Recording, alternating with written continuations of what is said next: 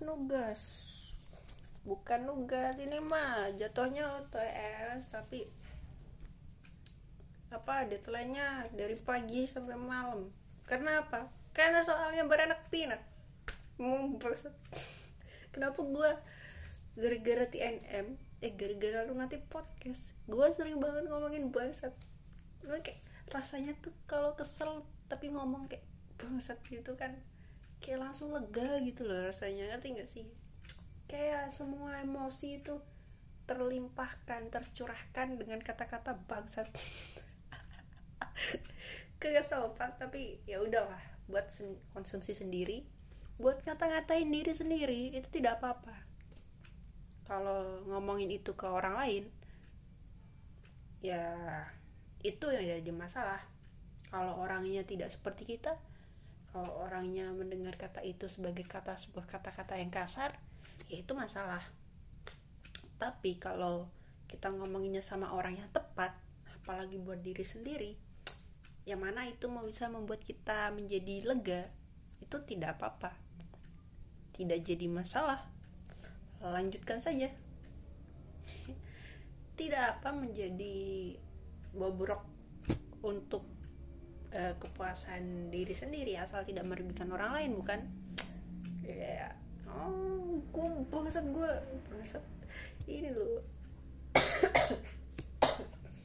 bukan corona anjir. Batuk biasa. Diam dulu anjir ini loh. Gue beli Nescafe ya. Nescafe itu kan jadi gue beli Nescafe. Gara-gara apa? Gara-gara teman gue temen gue itu bilang kalau waktu kita ngomongin gue suka kopi. Dia bilang dia suka kopi tapi bukan sesetan dia bilang Nescafe biru. Nah gue penasaran lah. Gue beli tuh Nescafe biru. Gue udah beli. Gue beli minggu minumnya selasa. Emang kayak gitu gue mah. Beli kemarin minum sekarang. Iya. dan ternyata si Nescafe ini dia udah make sistem teknologi sedotan kertas. Yang mana sedotan kertas ini terbuat dari karton. Yang mana kalau ditancepin dicesin buat minum itu ada aroma aroma karton yang ikut terserap masuk ke jiwa raga kita. Ngerti gak sih? Astaga. Jadi tuh lo minum minum minum Nescafe nih minum kopi tapi berasa ada bubuk-bubuk karton di sana. Jadi kayak kayak mengganggu gitu loh. Jadi jadi fokusnya tuh fo- bukan fokus sama si cita rasa dari kopinya tapi fokus sama eh, ada rasa-rasa bubuk kertas gitulah pokoknya. Hmm habis nih ini kalau lama-lama kelamaan didiemin begini ini sedotannya bisa melebur menjadi satu sama kopi. Ya jadi jadinya ini. Dan cafe French vanilla plus pepper. Gila. Habis tapi ya sebenarnya tuh enak cuma sedotannya itu loh letoy banget gila. Mengganggu bos. Kayak ini. Kayak tahu nggak? Apa petasan petasan korek yang kecil itu. Nah kayak gini nih kertasnya. Kayak kertas yang digulung-gulung gitu. Habisin dulu lah. Takutnya ntar ini sedotannya melebur jadi satu sama minumannya. Nah kan? Ah, rasanya astaga gila. Sedotannya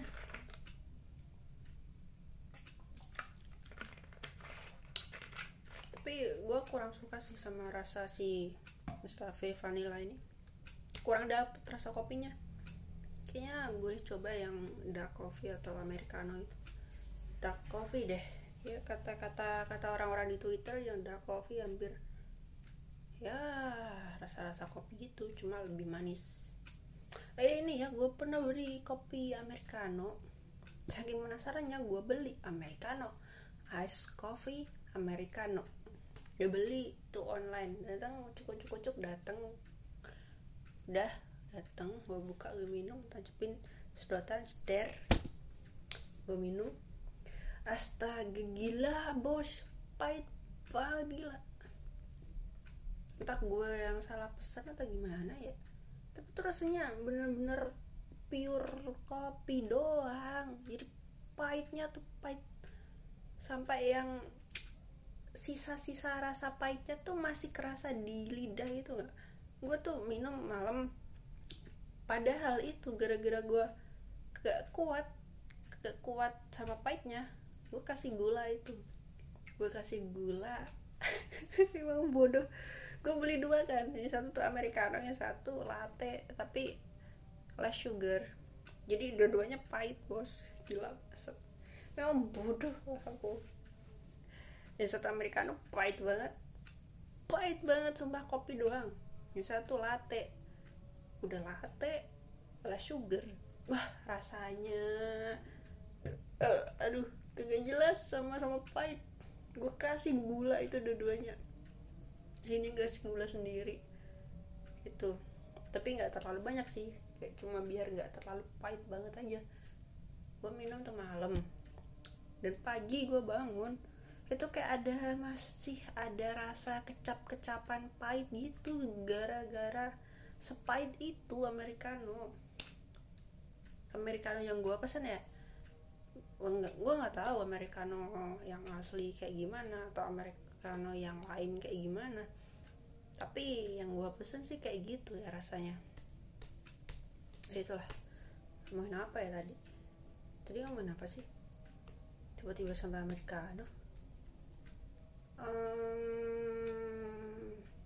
ya itu. Lupa kan ngomongin apa. Ih udah kelar nih. Udah 100% cabut dulu. Yoi. Ini tuh gue ngerekam sambil eh udah 7 menit gila ngoceh. Apalagi ya? Ya gini gue tuh harusnya kalau bikin podcast itu tuh harusnya di ini dulu. Bikin skrip biar kagak hilang biar kagak lupa di tengah jalan kalau tiba-tiba ada pembahasannya tiba-tiba teringat masuk ke otak nih ada alurnya gitu lah ada ada tuntunannya. Oh iya mau ngomong ini dulu. Gila gue males banget. Napas dulu lah. Napas dulu. Eh andan pause dulu lah. Ah. Jadi karena gue males mau ngerjain UTS jadi gue mau cerita dulu lah buat bangkitin mood. Biasanya gue kalau kayak males ngapa-ngapain gitu suka cerita sendiri.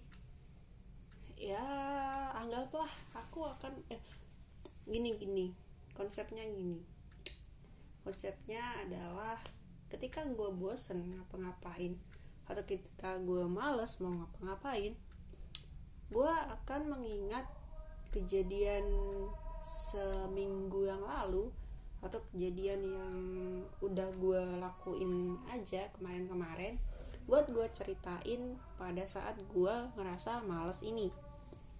Nah gue itu sistemnya kayak gini. Gue akan menganggap gue akan menganggap bicara sama seseorang yang mana yang mana itu adalah tembok di depan gue gue ngomong sama tembok. Tapi gue menganggap ada seseorang yang bakal dengerin cerita gue yang mana dia adalah kopian dari diri gue yang mana lagi dia akan mengerti apa pun perasaan atau cerita ataupun feeling yang gue dapet saat gue cerita ini. Jadi dia adalah versi kedua dari gue gitu. Ya, walaupun gak ada siapa-siapa yang walaupun tembok tapi tetap begitulah. Ya, gitulah pokoknya. Jadi gue akan cerita apa pun ya bakal yang yang udah gue lakuin aja gitu. Nggak tahu kenapa kalau gue habis cerita kalau gue record gue cerita itu kayak auto ngalir aja gitu. Jadi gue ada beban gue lagi nge-record nih.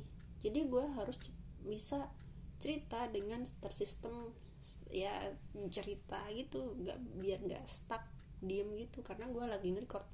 Nah habis nge-record gak tau kenapa gue suka banget dengerin recordan cerita gue kayak ada vibe tertentu gitu loh. Vibe vibe yang bikin naikin mood. Entahlah apa itu. Pokoknya gue ngerasa gitu. Jadi gue ma mau jadi gue nge-record ini karena gue bosen. Karena gue males ngerjain UTS UTS apa ini bangsat jadi hari ini jadi gue kan lagi UTS ya. UTS itu dua minggu. Satu minggu udah terlewati satu minggu minggu ini. Hari ini jadwalnya itu ada etika administrasi sama bioetika. Etika administrasi etika administrasi itu ngomongin soal administrasi negara.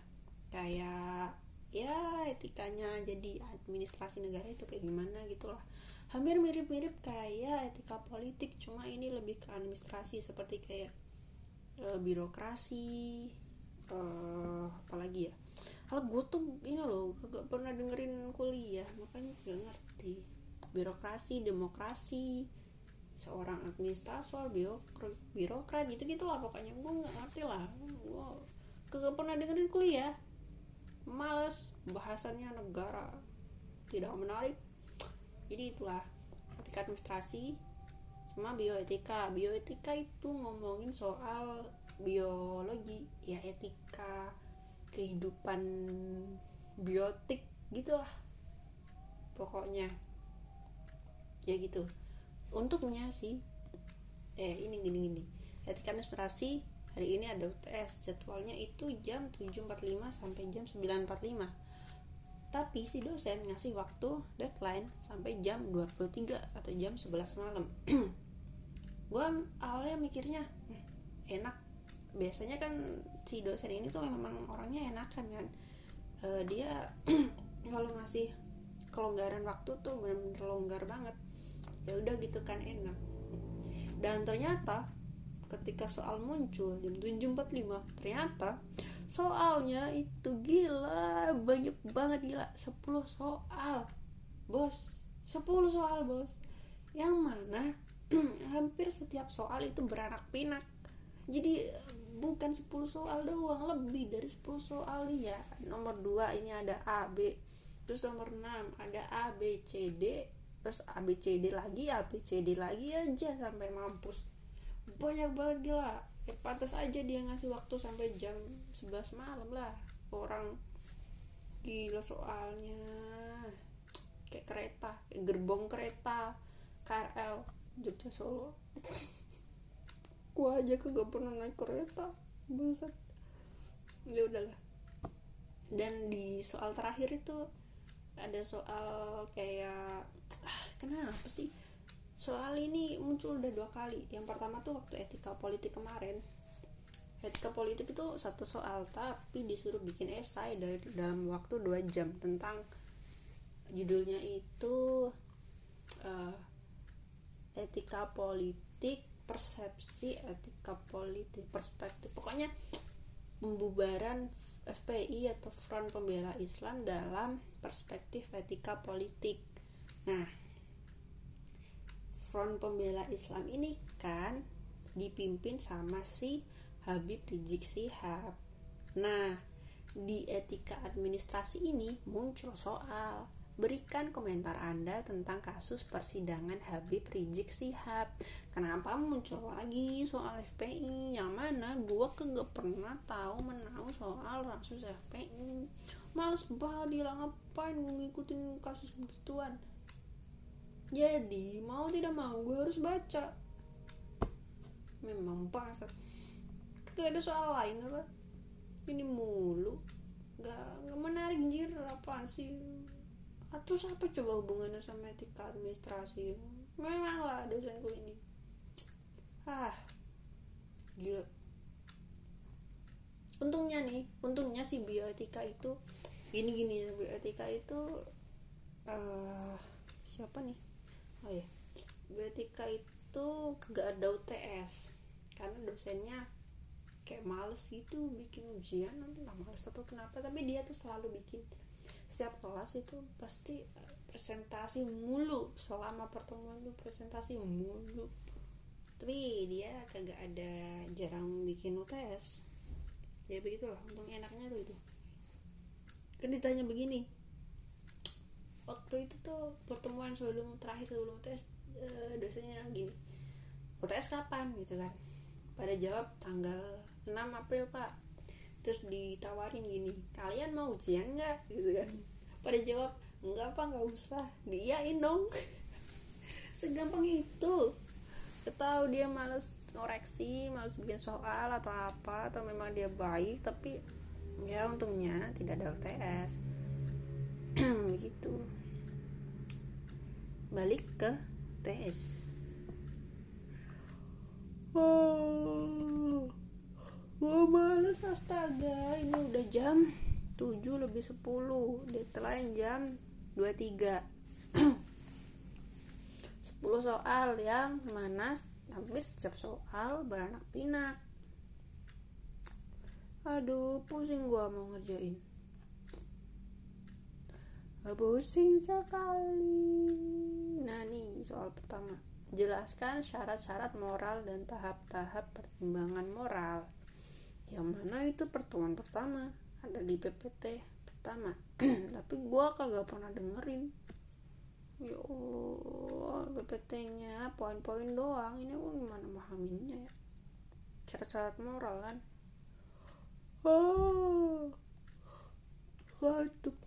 Syarat-syarat moral itu ada tingkah laku manusia dapat dinilai baik atau buruk apabila dia si pelaku ini dalam keadaan bebas si pelaku dalam keadaan sadar si pelaku telah mampu mempertanggungjawabkan atau bertanggung jawab Apabila tiga hal tersebut tidak dipenuhi, maka tingkah laku manusia tidak dapat dinilai baik atau buruk.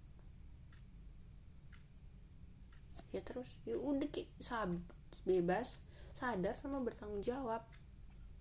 Nah itu baru bisa diukur dia baik atau buruk. Begitu terus tahap pertimbangan moralnya ada penilaian sunderesis atau pemeliharaan penilaian ilmu moral atau akumulasi penghayatan penilaian khusus non personal atau nilai impersonal. Orang menderita harus dibantu penilaian khusus pribadi atau awareness, penilaian atas pilihan tindakan atau final. Kagak ada pengertiannya, bos. Ini gue nyari di mana? Google lagi, Google lagi. Hmm, kagak pernah dengerin kuliah begini. Google satu soal. Push. Soal berdua Jelaskan, apa objek formal dan objek material etika administrasi sebagai suatu ilmu? Objek formal, objek material, etika administrasi sebagai ilmu. Nah, di mana itu? Kagak ada. Oh. Hah? Kagak ada. Di mana itu?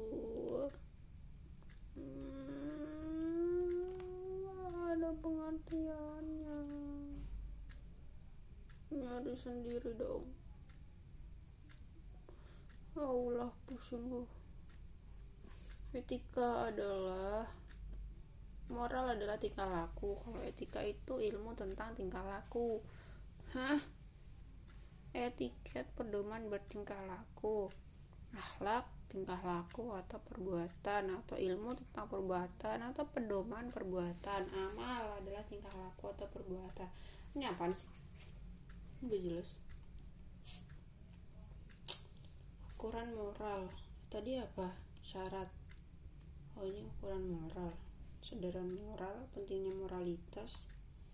Ini unsur pengertian administrasi Administrasi adalah perencanaan, pengendalian, dan pengorganisasian pekerjaan perkantoran, serta penggerakan mereka yang melaksanakannya agar mencapai tujuan yang telah ditetapkan.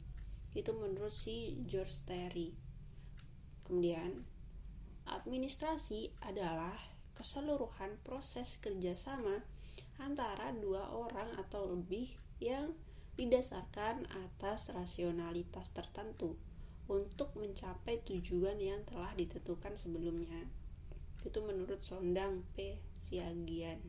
Kemudian, administrasi secara sempit didefinisikan sebagai penyusunan dan pencatatan data dan informasi secara sistematis baik internal maupun eksternal dengan maksud menyediakan keterangan serta memudahkan untuk memperoleh kembali baik sebagian maupun menyeluruh.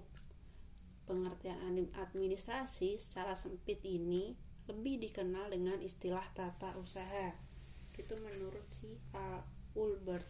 Keman, oh ini catatan adanya kelompok manusia yang terdiri dari atas dua orang atau lebih, adanya kerjasama, adanya proses atau usaha, adanya bimbingan, kepemimpinan, dan pengawasan, dan adanya tujuan. Jadi juga ada jawabannya di sini, bos.